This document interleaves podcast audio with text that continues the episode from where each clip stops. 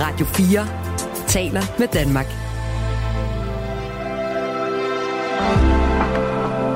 Velkommen til morgenrutinen.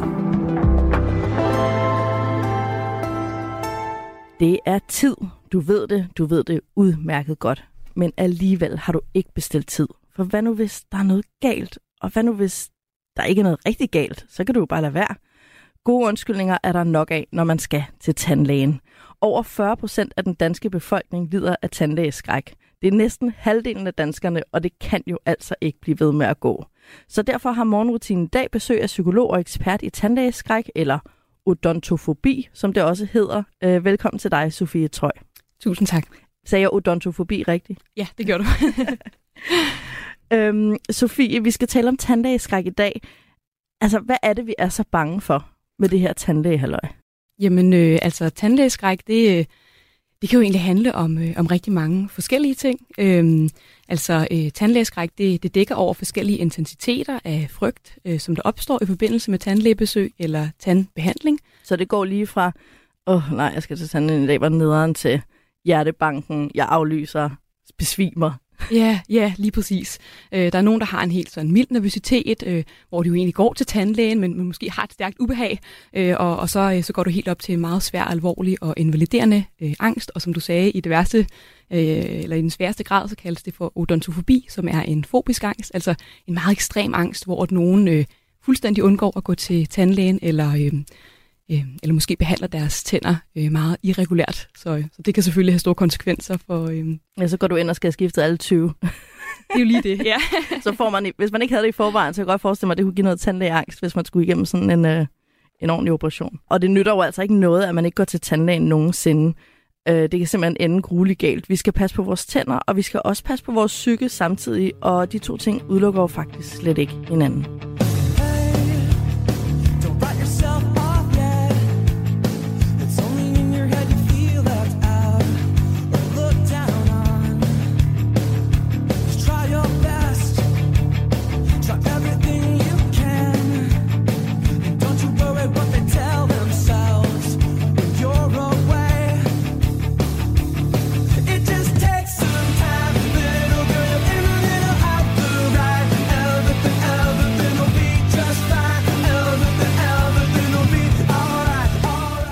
Morgenrutinen er i dag dedikeret til tandlægeskræk, for det må vel nærmest betegnes som en folkesygdom med mere end 40 procent af danskerne, der frygter det næste tandlægebesøg.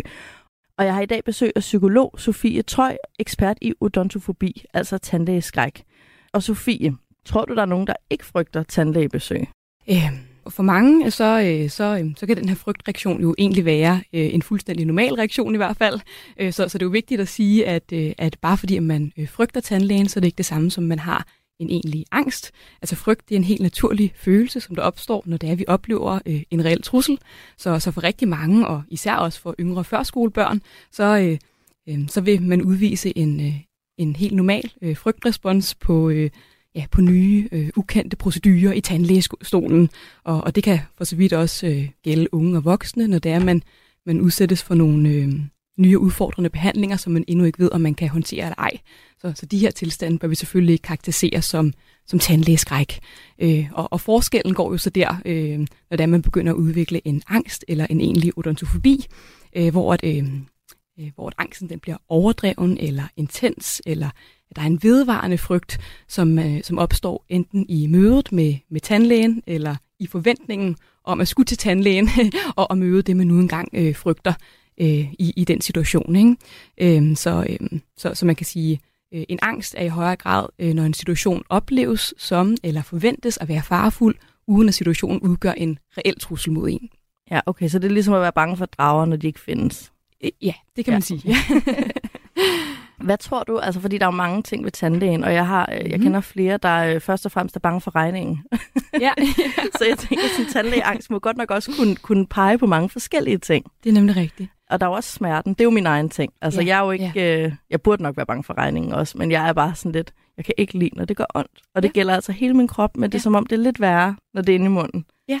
ja. Øhm, jeg ved ikke hvorfor, men der er vel andet. Der er smerte, der er økonomi, og der er andet. Ja, der er rigtig mange forskellige ting, og der er en stor variabilitet i, hvad man helt konkret frygter. Så det er altså ikke altid tandlægen, som det er, man frygter ved at øh, gå til tandlægen som du siger her, så, så så er der mange, som der kan frygte smerten, for eksempel i forbindelse med forskellige procedurer.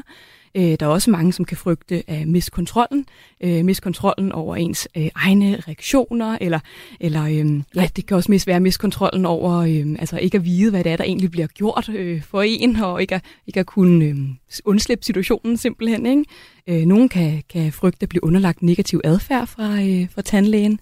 Altså for eksempel kan de også føle, at ja, de har en, en dårlig mundhygiejne. Og, ja, man og, bliver afsløret. Ja, lige præcis. Øh, og, og begynder at skamme sig faktisk, ikke? og tænke, åh oh, nej, og hvis nogen øh, ser min, øh, min dårlige mundhygiejne, så vil de måske vemme så meget ved, ved, ved mine tænder, at det bliver en frygtelig pinlig oplevelse.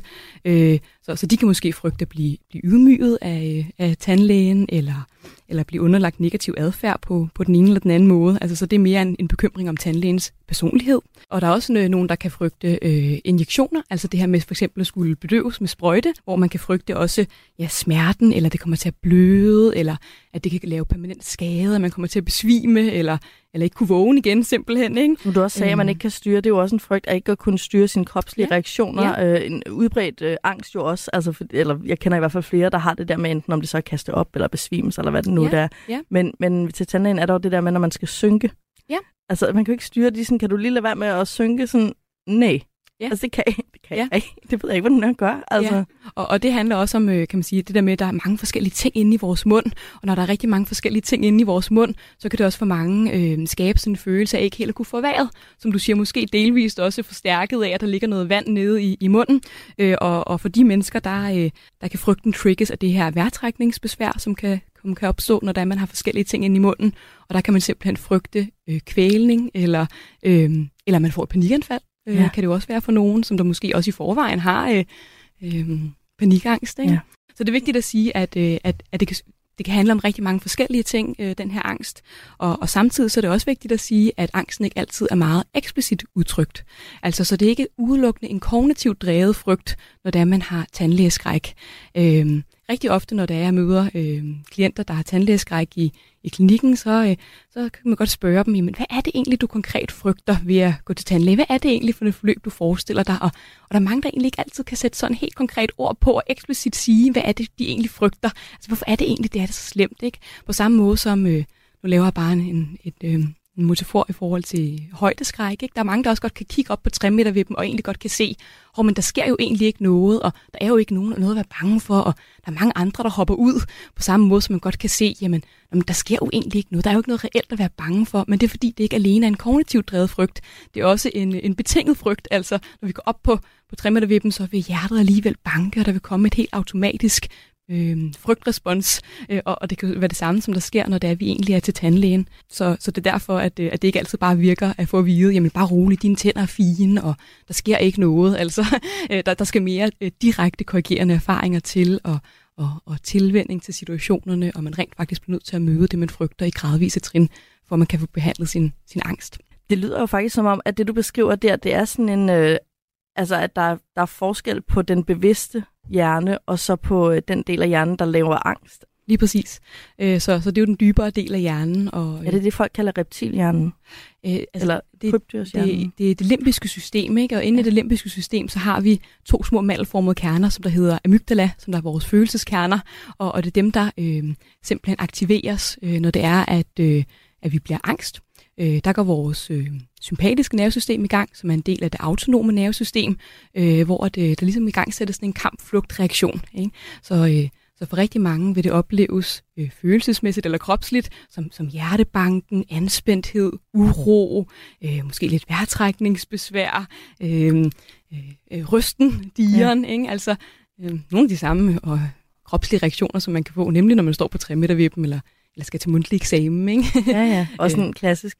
Øh, men Sofie, hvordan ved man så, om man er helt naturligt, sådan proportionelt bange for at gå til tandlægen? Og hvordan ved man, om man kvalificerer sig til at komme over i sådan tandlægeangst? Det kan godt være, at jeg skulle gøre noget ved det, øh, sektoren. Ja, altså overordnet set, så vil jeg sige, at, øh, at hvis man kun udholder tandlægebesøget, eller særlige dele af tandlægebesøget, med, med et sådan stærkt ubehag, eller hvis det er, man helt undgår øh, eller udskyder nødvendig behandling øh, på grund af et, øh, et ubehag, angst, skam, pinlighed eller forlegenhed, altså, så vil jeg sige, så, så er det måske en stærk prædiktor for, at man kunne have tandlægeskræk. Øhm, Undgåelse. Det er, så- det er en god ting. Går du Så- udsætter det, eller dropper det, eller sådan finder på gode undskyldninger for, hvorfor det godt kan vente til marts næste år. så, så kunne det måske være, at det kunne være en god idé at, øh, at gøre noget ved det, fordi så kan det jo have store konsekvenser for ens sundhed, øh, mundhygiejne og, og jo også bare for ens livskvalitet, fordi at man jo kan få tandsmerter, problemer med at spise, øh, og, og, øh, og du også skal have nogle, nogle sociale konsekvenser for en simpelthen. Ja, jeg læste faktisk en artikel om en, der ikke smilede med tænderne mere, eller sådan, som havde vendt sig til kun at smile med lukket mund, Ja. fordi han var blevet så skamfuld over, at hans tænder var i så dårlig fatning, fordi han ikke gik til tandlægen, fordi han var tandlægeangst. Lige præcis. Det er synd. Man skal da kunne smile. Det, det, det er helt enig i. It's amazing how you can speak right to my heart.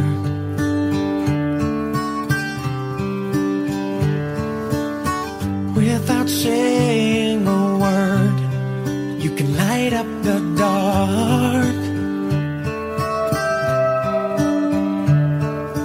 Try as I may, I can never explain what I hear when you don't say a thing.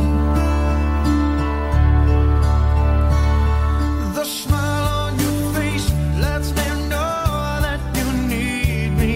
There's a truth in your eyes saying you'll never leave me. The touch of your hand says you'll catch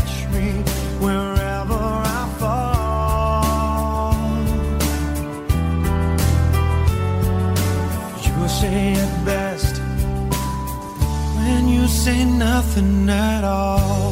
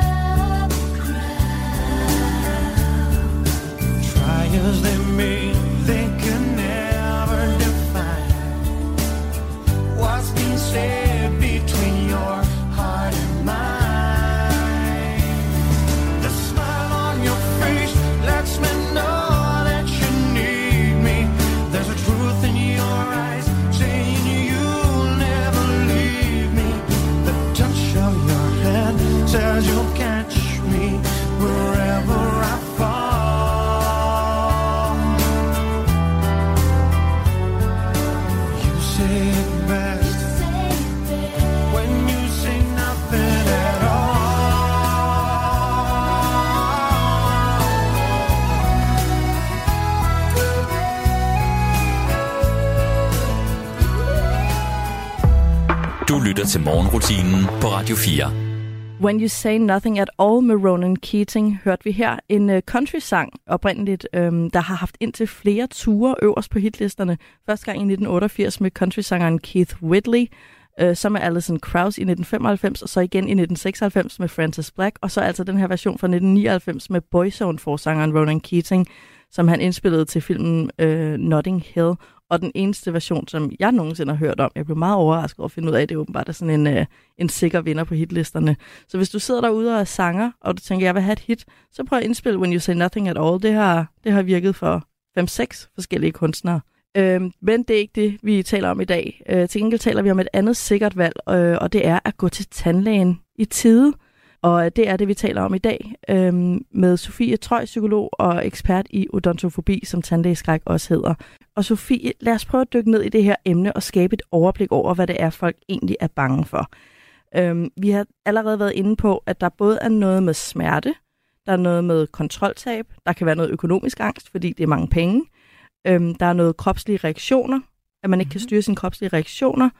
Hvad havde vi ellers? Når jeg skam, mundhygiejne, altså den her bliver afsløret ydmyget mm-hmm. øh, faktor er også stor. Mm-hmm. Injektioner eller... Eller... Det er rigtige injektioner, ja. ja, som jeg også har. Det der med ja. den her bedøvelsesprøjte, der ja. skal komme ind.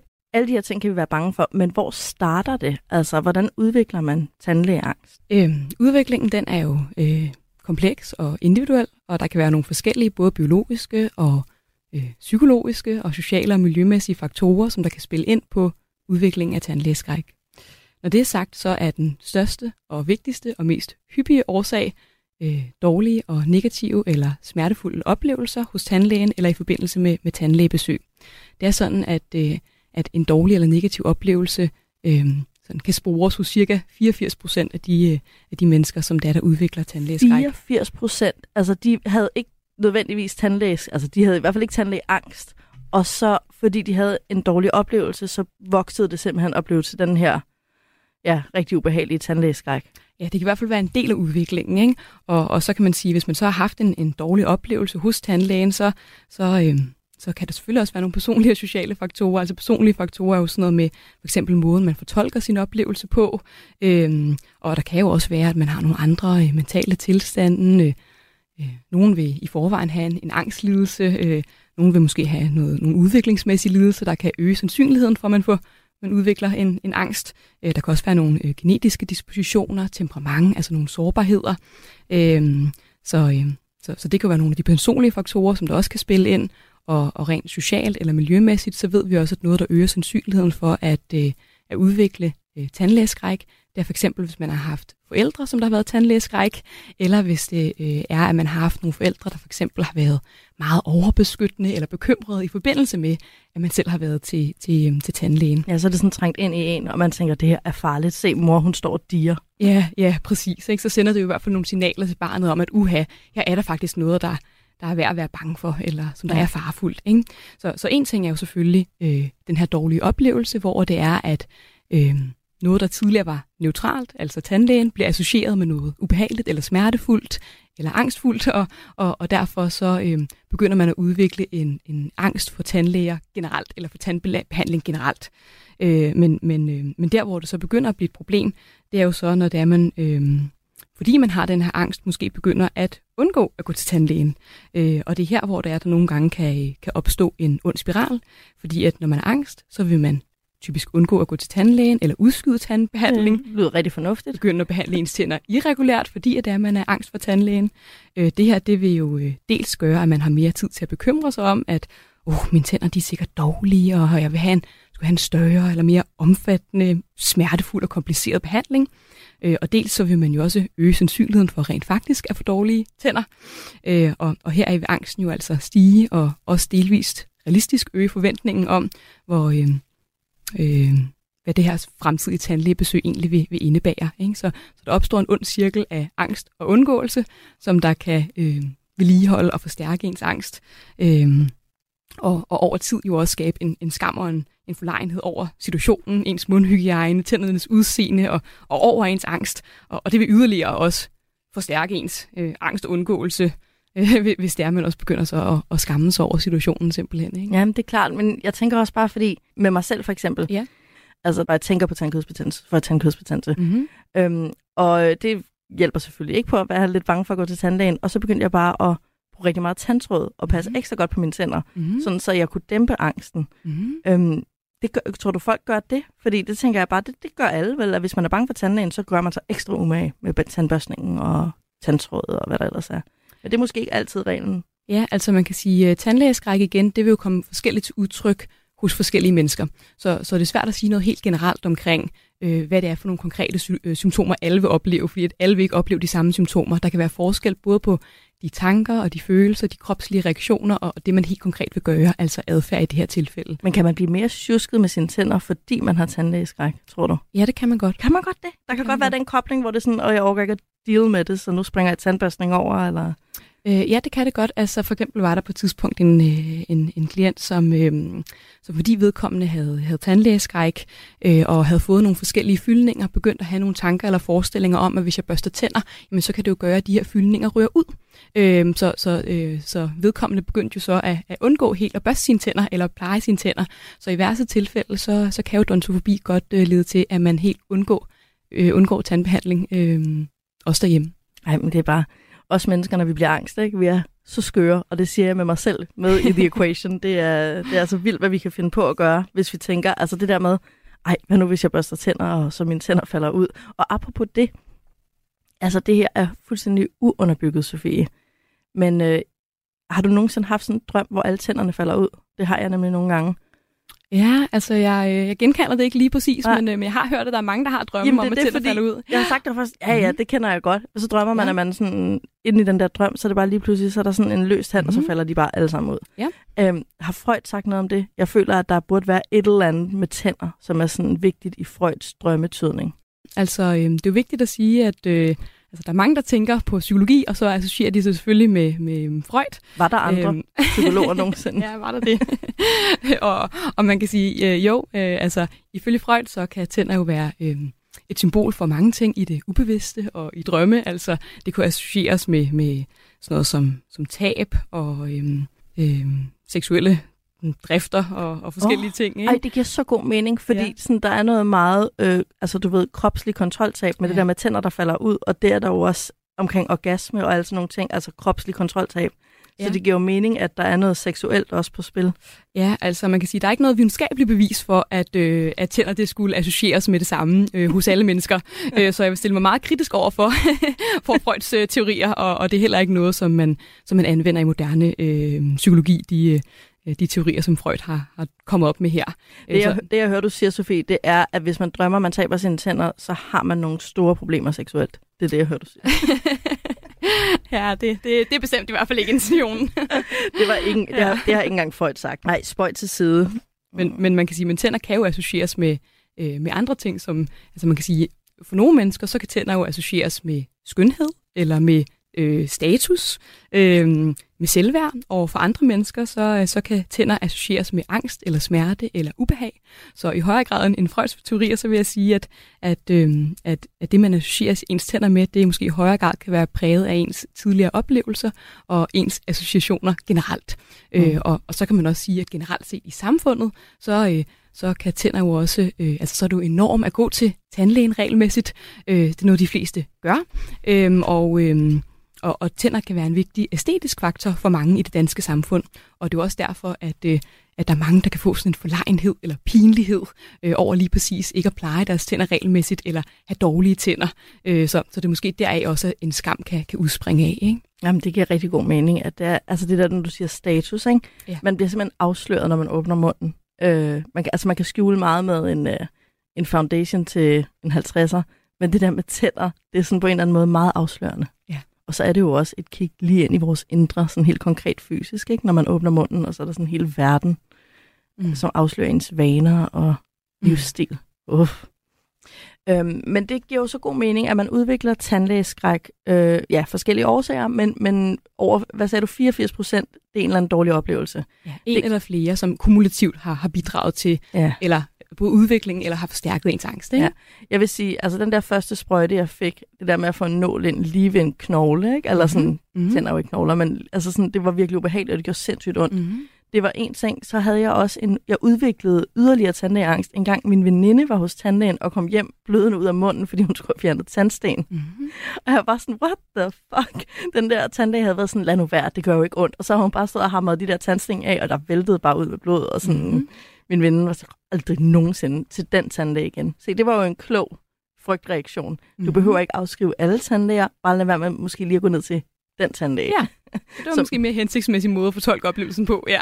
Præcis, det er, ikke alt. det er lidt ligesom, når folk har været til psykolog en gang, og så er de sådan, jeg, jeg har været til psykolog, det virkede ikke.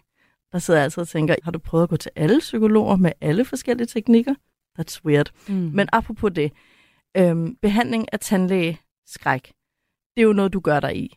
Hvordan i Mm. alverden, hvor starter du henne? Øhm, ja, altså øhm, i, i forhold til behandling af tandlægeskræk, så, øh, så er du til start med vigtigt at sige, at der findes rigtig god behandling. Øhm, I er ikke alene derude, og I, I kan er blive ikke raske. der, der, der findes rigtig, rigtig god behandling i forhold til tandlægeskræk, og, øhm, og, og i forhold også til tandlægeskræk, så, så tænker jeg også lige, inden øh, vi kommer ind på behandling, at det er også vigtigt at, at, øh, at lige gøre klart, at, at øh, typisk så vil tandlæger jo egentlig håndtere ens tandlægeskræk. Øh, de vil gøre forskellige ting for at prøve at håndtere øh, angsten øh, Ja. ja. bedst muligt, men, men, men typisk vil man ikke få behandlet ens angst øh, hos en tandlæge. Blandt andet fordi, at tandlæger de har en, et ønske om at gennemføre behandling øh, hurtigst muligt, fordi at tid jo selvfølgelig er lige med penge. Ja, og når det tandlæger er lige med rigtig mange penge. mange penge, og det kan selvfølgelig også være, fordi at de mangler viden om, hvordan man konkret behandler det. Øh, men, men, øh, men når vi snakker om tandlægebehandling, så er det først og fremmest vigtigt, at der er øh, god tid, hvis man skal behandle angsten. Øh, Okay, det er en Sådan. stor faktor. Og så må man jo også bare sige, når du ligger lige i den der stol, så er det jo altså munden og ikke psyken, der er åben. Så der er jo heller ikke, altså der er jo ikke legnet op til, at nu behandler mm. vi din angst. Der er legnet op til, at nu behandler vi dine tandproblemer. Præcis, og det er jo noget, der måske først skal komme senere, når, når, når, øhm, når man snakker om et angstbehandlingsforløb. Ja. Øh, det, man, øh, det forskning viser, det er, at øh, den mest, øh, altså den mest evidensbaserede øh, behandling for tandlægeskræk, det er kognitiv adfærdsterapi, øh, som egentlig bare er en terapeutisk metode, og hvor et, et element i terapien er det, som der hedder eksponeringsterapi, hvor det er, man, man gradvist begynder at møde det, man frygter i, øh, i små trin, øh, kontrolleret, helt frivilligt, øh, og, øh, og man kan sige helt konkret, så, øh, så handler det om, at man øh, starter med en grundig kognitiv analyse. Altså, hvad er det helt konkret, at, at den her person øh, frygter? Altså, hvad er det for nogle ting, personen Ja, er det frygter? smerte, skam, Ja, penge, afsløring, blive holdt fast, besvime, whatever. Præcis. Hvad er det, personen forestiller, der vil ske, og, og hvor bange er de for forskellige ting? Øh, så vil man også designe en behandlingsplan ud fra den enkelte, og fra det vedkommende frygter, og, og, og psykologere personen lidt omkring angst og rationalet bag behandlingen. Hvad, hvad sagde du, psykolog? Øh, øh, ja, øh, give, give personen lidt viden og, og undervisning Ah, i ja. angst, og hvad det er, der vedligeholder angst. Og, Så man forstår, hvad, hvad det er, Ja. ens hjerne egentlig går og laver. Ja, lige præcis. Så i kognitiv adfærdsterapi, så er der ikke noget, man holder skjult for, for patienten. Altså målet er egentlig, at, øh, at klienten bliver, bliver bedst muligt informeret om, Ja. om alle dele af, af, øh, af behandlingen og rationalet bag behandlingen. Ikke? Og nu Øhm. sagde du eksponeringsterapi. Ja, Øhm, ja. Jeg havde en veninde, der var bange for æderkopper, og så var hun i eksponeringsterapi, og øh, hun startede bare med at kigge på et billede af en lille bitte, altså en æderkop, der var under jamen, altså en millimeter stor, Mhm. mm-hmm. et billede af den, og så så hun en, en død en samme størrelse. Altså, det var de mindst Ja. mulige, det var skridt, jeg ikke engang ville have kunne tænke mig til. Lige præcis. Altså, hvor jeg var sådan helt, wow. Og på den workshop alene, der endte hun med at stå og holde en sådan stor tarantel æderkop i hånden, som var Mm. levende, og Ja. var ikke angst. Fordi at skridtene var så små. Og det er jo faktisk lige præcis noget af det samme, man gør i forhold til tandlægeskræk.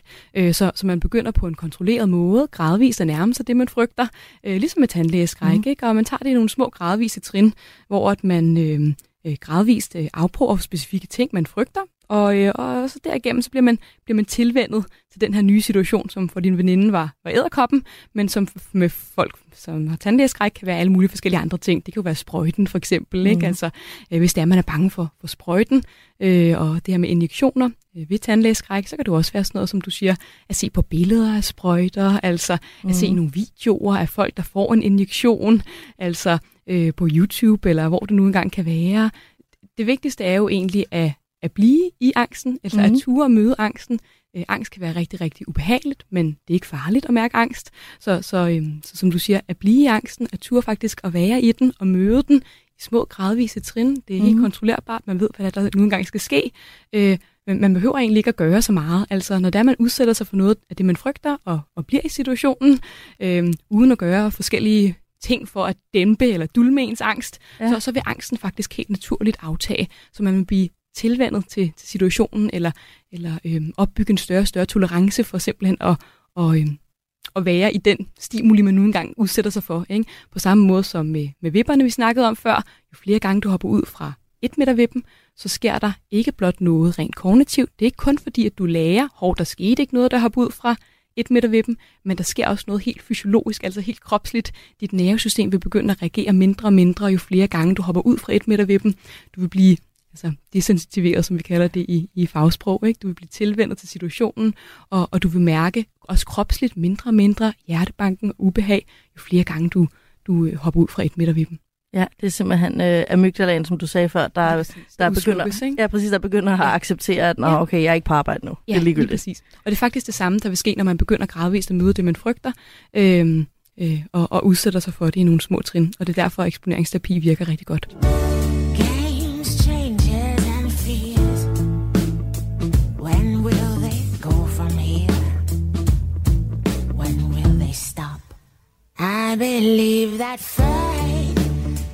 surprise.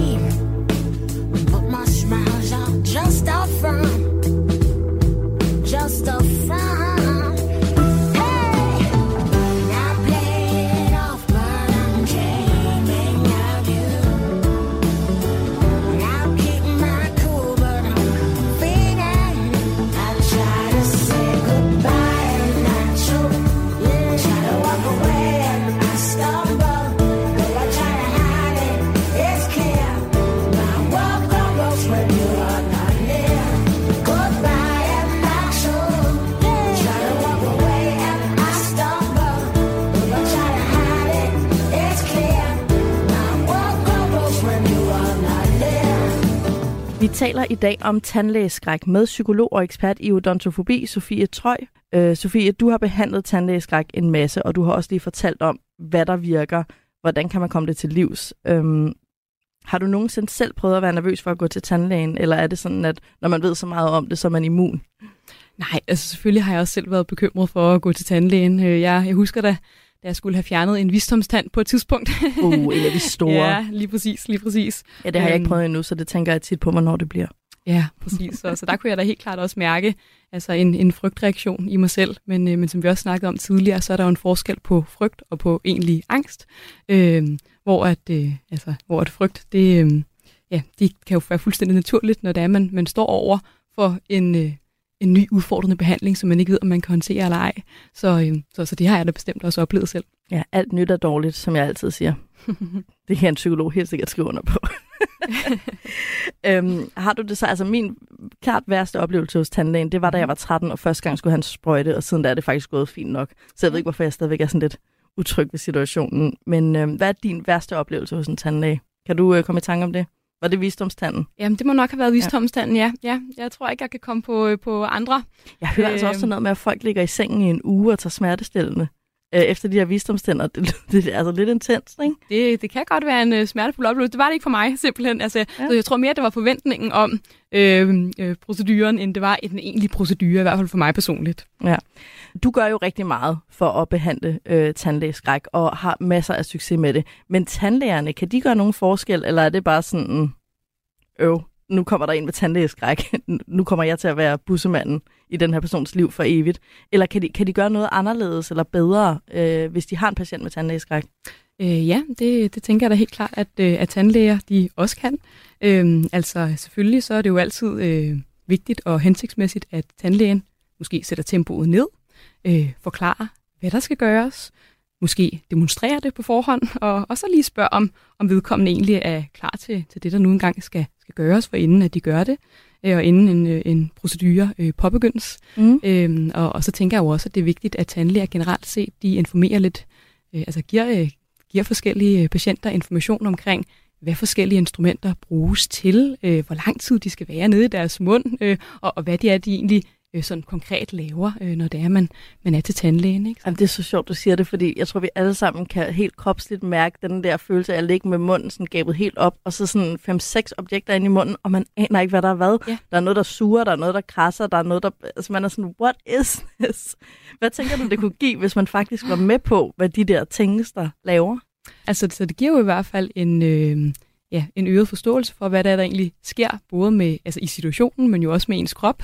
Altså, øh, så, så, øh, så det tænker jeg jo i hvert fald kan give en, en øget følelse af, af kontrol, både over, hvad det er, man bliver udsat for, øh, men selvfølgelig er der jo også noget, der er vigtigt i forhold til, at tandlægen ligesom øh, øh, altså er lydhør og ja. lægger mærke til, om det er, at, øh, at øh, patienter viser nogle øh, tegn på, på ubehag, øh, sådan så det er, at man selvfølgelig også har mulighed for at, at stoppe procedurer, hvis det er, at der er noget, der er ubehageligt, eller egentlig gør ondt, eller er smertefuldt, så, så man eventuelt kan få noget ekstra bedøvelse, eller hvad det nu engang kunne være. Altså, så der, det du siger, at der er både informationen, altså det der med, at man får indsigt i noget, man forstår, hvad der sker, det giver bare en større tryghed. Altså, mm. man er heller ikke bange for øh, en skov, man allerede har gået igennem tusind gange, fordi man ved, hvad der er derinde. -agtigt. Ja. Altså, der er sådan en eller anden vidensting, der kan give tryghed, men så er der også noget i relationen, at Ja. i det, man giver den viden, så føler man sig også mere set og forstået, Ja. Sådan, så der også er en relationel tryghed, når de her ting bliver forklaret. Ja, lige præcis. Fordi for, for mange, som vi var inde på tidligere, så, øh, så kan angsten jo også øh, spille sammen med, med tandlægens personlighed, hvor at øh, tandlægeskrækken øh, ikke øh, altså i højere grad er betinget af, af samspillet med tandlægen, end, end af de instrumentelle procedurer. Altså, så det ikke er øh, bordet, de frygter, eller smerten ved bordet, de frygter, men de i højere grad er personen bag om bordet. Altså, som det er, de, ja. Ja. de er bange for eller, eller frygter. Ja, ikke? det er der frygten er. Ja. Det er det ikke så meget for mig. Øh, jeg har virkelig noget med øh, bare med smerte. Og det har også gjort, at jeg har sådan en kæmpe tryghed til et tandlægeinstrument, som er den der dims med et spejl. Bare sådan, når jeg ser den, er jeg sådan, den går ikke ondt. og det er bare blevet sådan, hver gang jeg ser den der, så er jeg sådan, "Ah, alt er godt, alt er godt. Det er bare spejlet, der kommer der. Det er noget helt andet, når den der krasse ting, så kommer, der skal krasse tandsten løst. Jeg har fundet den coping, at hver gang jeg er til tandlægen, så overdriver jeg min angst helt vildt. Øh, og så oplever jeg både det er min forventning, og det har jeg også fået bekræftet mange gange, at så bliver de virkelig sådan, wow, vi må virkelig være forsigtige. Og så kan jeg ligge der og slappe af og nyde det. Altså man skulle helst gerne behandle ens tandlægeskræk, inden da man går til tandlægen. øh, så, så man skulle helst gerne have lavet noget, noget forebyggende øh, behandling, sådan så der, at man ikke er lige så angst, når man rent faktisk går til tandlægen. Men, men generelt set, hvis det er, man, man reelt møder en, en tandlæge, som der ikke er, er lydhør, altså, eller hvis man helt reelt øh, har en tandlæge, som, det, ja, som man har erfaring med, øh, har, har haft en negativ adfærd eller opførsel, Så lad være så med vil at jeg gå tilbage. dig at skifte tandlæge, Ja, simpelthen. præcis.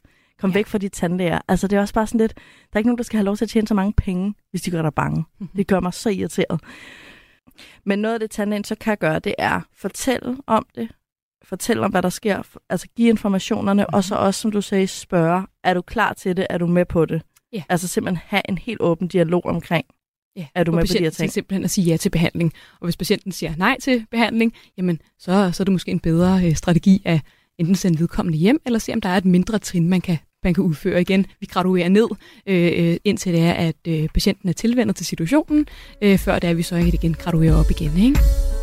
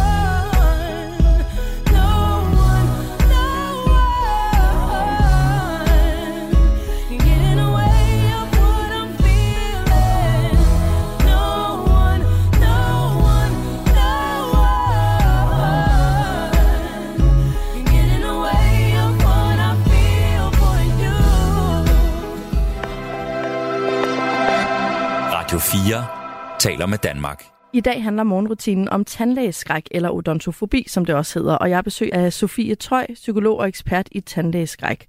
Og Sofie, med 40 procent, som lider af den her, øh, ja, det er jo så nok ikke den ypperste fobi, men 40 procent, der i hvert fald er bange for at gå til tandlægen, så er det jo nærmest en folkesygdom. Og jeg kunne godt tænke mig, at vi prøvede at dykke ned i, hvorfor. Fordi du sagde før, jamen, der kan være mange faktorer, der gør dig mere sådan, sandsynlig til at udvikle tandlægeskræk. Måske har du angst i forvejen, måske er dine forældre været sådan bekymrede, når de var hos tandlægen. Alt muligt halløj, og så den negative oplevelse. Altså det her med, at man har en lorteoplevelse, og så er man bare bange for det bagefter. Men for eksempel, altså, når man har sex, alle har haft en dårlig oplevelse, når de har sex, og det er jo ikke fordi 40% af den voksne befolkning afholder sig fra sex resten af livet, fordi de har en dårlig oplevelse. Så der er jo noget med tandlæger. Mm-hmm. Øhm, så jeg synes, vi skal prøve at tale lidt om, hvad det er, vi sådan rent kulturelt har gjort ved de her tandlæger, siden det er blevet, altså siden det i den grad er eskaleret til sådan en folkesygdom. Ja.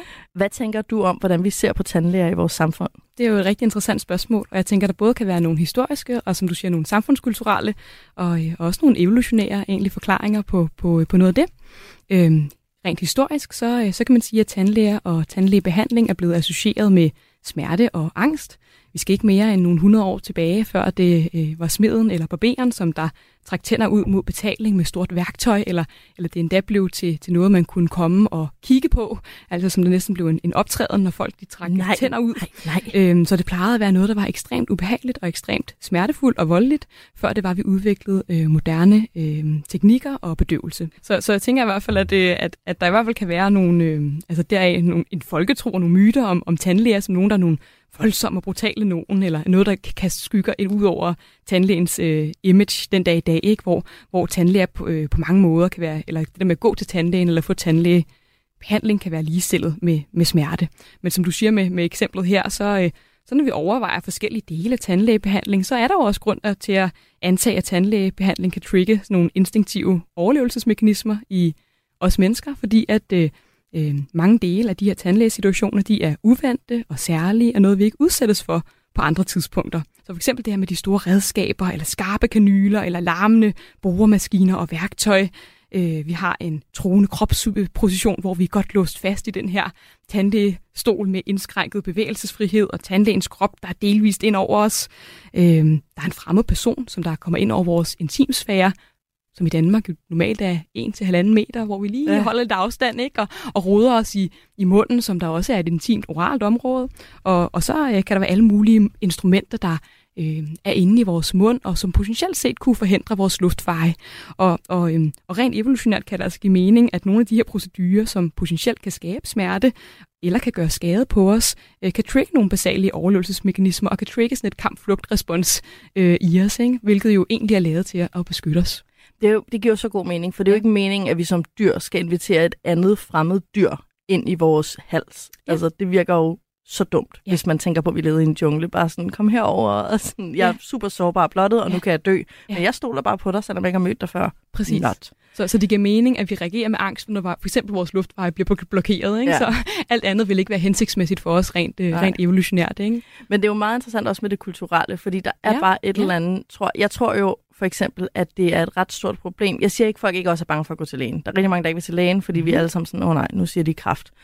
Øh, selvom man har lidt snue. Mm-hmm. Øhm, men tandlæger er værre, og jeg ja. Ja. tror, det er fordi, at vi skal betale dem for det, så vi er sådan de onde kapitalister. Altså jeg tror, der er et eller andet, altså i Danmark specifikt med vores velfærdssystem, at sådan læger skal ikke på den måde tjene penge på os, Mm-hmm. eller vi har en eller anden tillid omkring, at sådan, når man går til lægen, skal de redde os, og læger er læger, fordi de bare gerne vil redde liv og hjælpe folk, mens Mhm. tandlæger er tandlæger, enten fordi de godt kan lide at give smerte, og de er sådan sadister, eller også er det fordi, de sådan vil tjene penge, fordi de tjener så mange penge. Det har jo i hvert fald historisk set jo været nogle myter måske om læger, som i højere grad er nogen, der, der heler eller lindrer eller afhjælper smerte, ja. mens at sådan, at der har været nogle myter eller fortællinger om tandlæger som nogen, der forårsager eller skaber smerte måske. Ikke? Ja. Øh, og, og så synes jeg jo også, at det, det er vigtigt at sige det der med, som du siger, med, med noget af det kulturelle, ikke? At, at både i film eller tegneserier eller bøger, så, så kan tandlæger også fremstilles som noget, der absolut ikke er særlig sjovt. Ikke? Og man har sådan en stor kind og har en ispose på kinden, som der er hævet. Øh, og, og helt konkret vil flere procedurer jo også kunne skabe smerte øh, ved tandlægen. Og, og samtidig så også, hvis man er mere angst, så vil bedøvelse typisk virke dårligere. Åh, oh, Ja. er det rigtigt? Det, det er faktisk rigtigt. Så, så derfor kan det også øh, give mening at få behandlet ens tandlægeskræk, for faktisk få bedøvelse til at kunne virke bedre. Ej, så Øh. du går til psykolog faktisk som smertestillende middel. det kan man sige. Det er jo fantastisk. Der er jo for eksempel, altså i forhold til det der kulturelle sådan skurkedyrkelse, demonisering af tandlæger, Marathon Man fra 1976, der er sådan en forfærdelig scene, hvor Dustin Hoffman ligger hos tandlægen og bare bliver altså, tortureret helt vildt. Men øhm, jeg tror, at i den sammenhæng, så er det absolut mest traumatiserende, og tror jeg, og det kan jeg bare sige helt uvidenskabeligt, det er årsagen til, at over 40 procent af os er så bange for tandlægen. Det er Karius og Bacchus. Der står en mand i en hvid kittel. Føj for en ulykke. Så er det tandlægen. Er tandlæger farlige? Om de er. Det er de værste, der findes. Og Karius, jeg er så bange. Hvad er nu det for et spektakel? Det er noget stort og fælt og blankt noget, som brummer og snor rundt. Så er det et bord. Det kommer nærmere og nærmere. Hjælp! Det kommer herhen. Vi kan bide ham i fingeren. Det hjælper ikke. Tandlæger kan man ikke slås med. Se, nu sprøjter han med vand. Hej, du tandlæge. Vil, vil du så se, at du holder op? Han hører ikke. Han vil ikke høre. Giv der ikke var nogen tandlæger i hele verden. Det var altså Karius og Bacchus. Og når man hører den, så kan man altså ikke undre sig over, at nogle af os har lidt tandlægeangst. Det er jo sygt uhyggeligt, det der, Sofie. Og jeg ved ikke Ja. med dig, men da jeg var lille, identificerede jeg mig altså ikke med Jens, som jo, altså tandlægen redder jo Jens for de her uhyre. Ja. Men, men Ja. historien Karius og Bacchus er jo altså lavet, så man identificerer sig først og fremmest med Karius og Bacchus, mm. som bliver slået ihjel og skyllet ud. Ja, lige præcis. Og man kan sige, og der sendes jo her nogle stærke signaler om, at lige om lidt så kommer tandlægen med tryk på tandlægen, ikke? Og det vil jo selvfølgelig få børn og unge til at tænke, åh, hvad er det for nogle frygtelige nogen, eller nogle forfærdelige, farlige nogen, de der tandlæger der. Altså Ove Sprogø, der vreder, jeg er bange. Det er bare sådan, altså mejslet ind i mit nervesystem. Ja, så der kan i hvert fald helt klart være nogle signaler her, som der bliver sendt i samfundet, som der forstærker den her antagelse eller forståelse af, at tandlæger det er nogle farefulde noget, eller, eller det her med tandlægebehandling er noget farefuldt, smertefuldt og rigtig, rigtig ubehageligt noget. Ja. Øh, så, så det vil jo i hvert fald tale ind i den den, øh, den angst der, ikke? At, forst- at kunne forstærke øh, øh, en angst.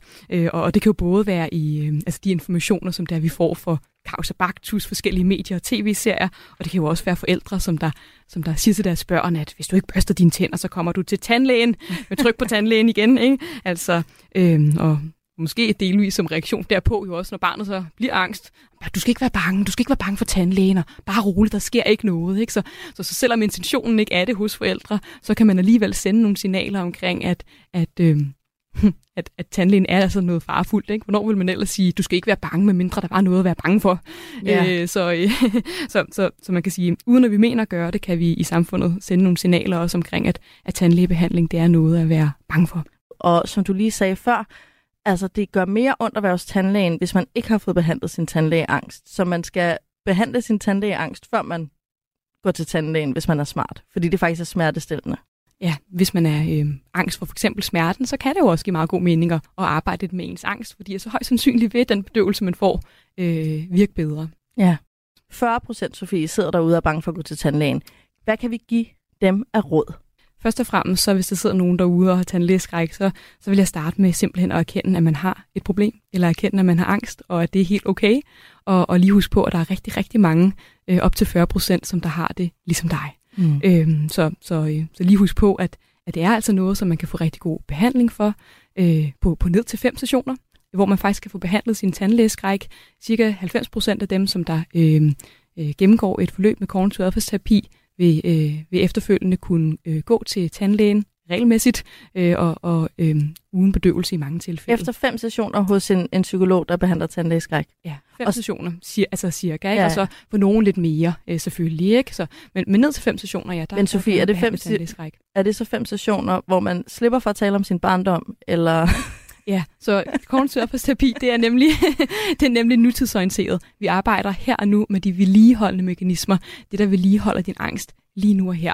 Øh, Og det er noget af det, vi, vi, vi prøver at, øhm, at fokusere på, sådan så vi kan ja, få arbejdet med angsten ikke? Og, Mm. og få nedsat den der angstreaktion, som man får, når man bliver udsat for, for en vis stimuli, man frygter. Ikke? Ja.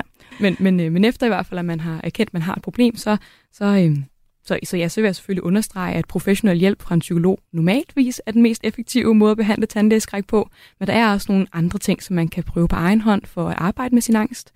Øhm, en af de første ting, man kan gøre, det er at prøve at forstå sin angst bedre, øh, ved at prøve at identificere, hvad er det egentlig, der udløser min angst?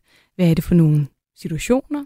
Øh, er det nogle særlige tanker eller følelser, som der opstår i forbindelse med, med din angst? Altså det her, hvad, hvad er du egentlig bange for Hvad ved du det, for det konkret gjort? Ja, Så kunne man ja. sige for eksempel, okay, du, du kan mærke, at du ikke har lyst til at gå til tandlægen. Ja. Tag et stykke papir og skriv tre ting, du konkret er bange for. Ja. Er, det, er det fordi, du er ved at blive kvalt, når du får de der 15 instrumenter ind i munden? Mhm. Er det fordi, du er bange for, at det koster 20.000? Mhm. Er det fordi, du er bange for, at du bliver ydmyget, fordi du har dårlig tandhygiejne? Mhm. Altså få skrevet tre ting ned, der er sådan, okay, top tre over det, der, det du synes er det værste ved at gå til tandlægen. Lige præcis. Og så prøver man ligesom at lave en liste og prøve at brainstorme lidt på nogle mindre trin ved, ved noget af det her, man frygter. Ikke? Så, så hvis det for eksempel er øh, nogle særlige øh, instrumenter, jamen så, øh, så begynder man ligesom at kigge på, okay, men kunne jeg begynde at udsætte mig selv for, for, øh, for nogle af de her ting i nogle mindre trin? Kunne jeg måske bare kigge på et billede af det her mm. instrument, jeg nu engang frygter? Eller kunne jeg begynde at se nogle videoer af, af en, øh, en tandoperation, som bliver foretaget med det her, som jeg nu engang frygter?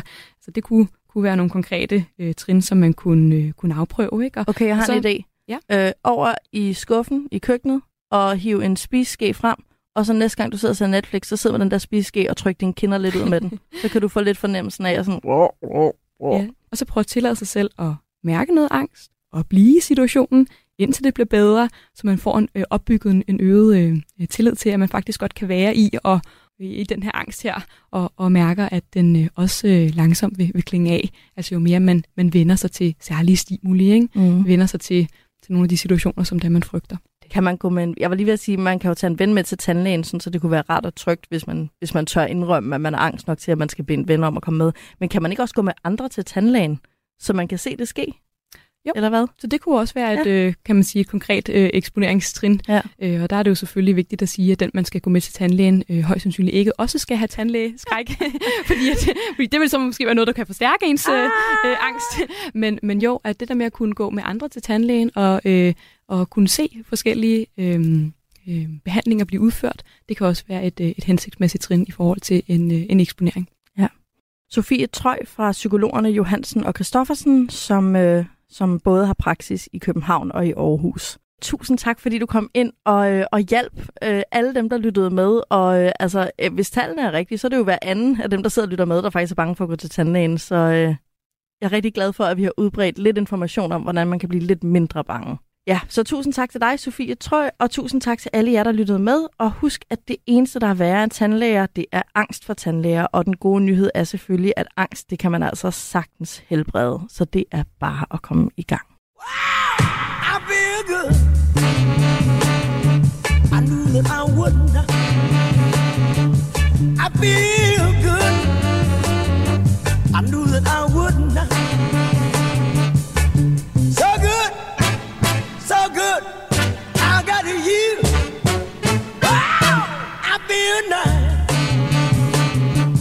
sugar and spice.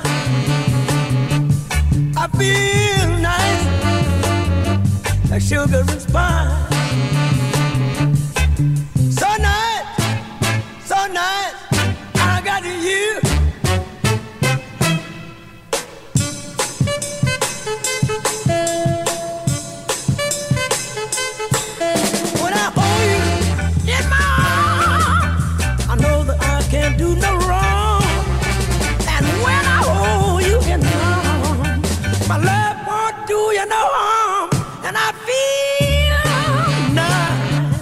And spice.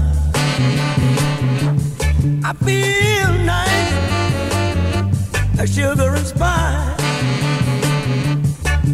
So nice, so nice, I got you. Du har lyttet til en podcast fra Radio 4. Find flere episoder i vores app, eller der, hvor du lytter til podcast. Radio 4 taler med Danmark.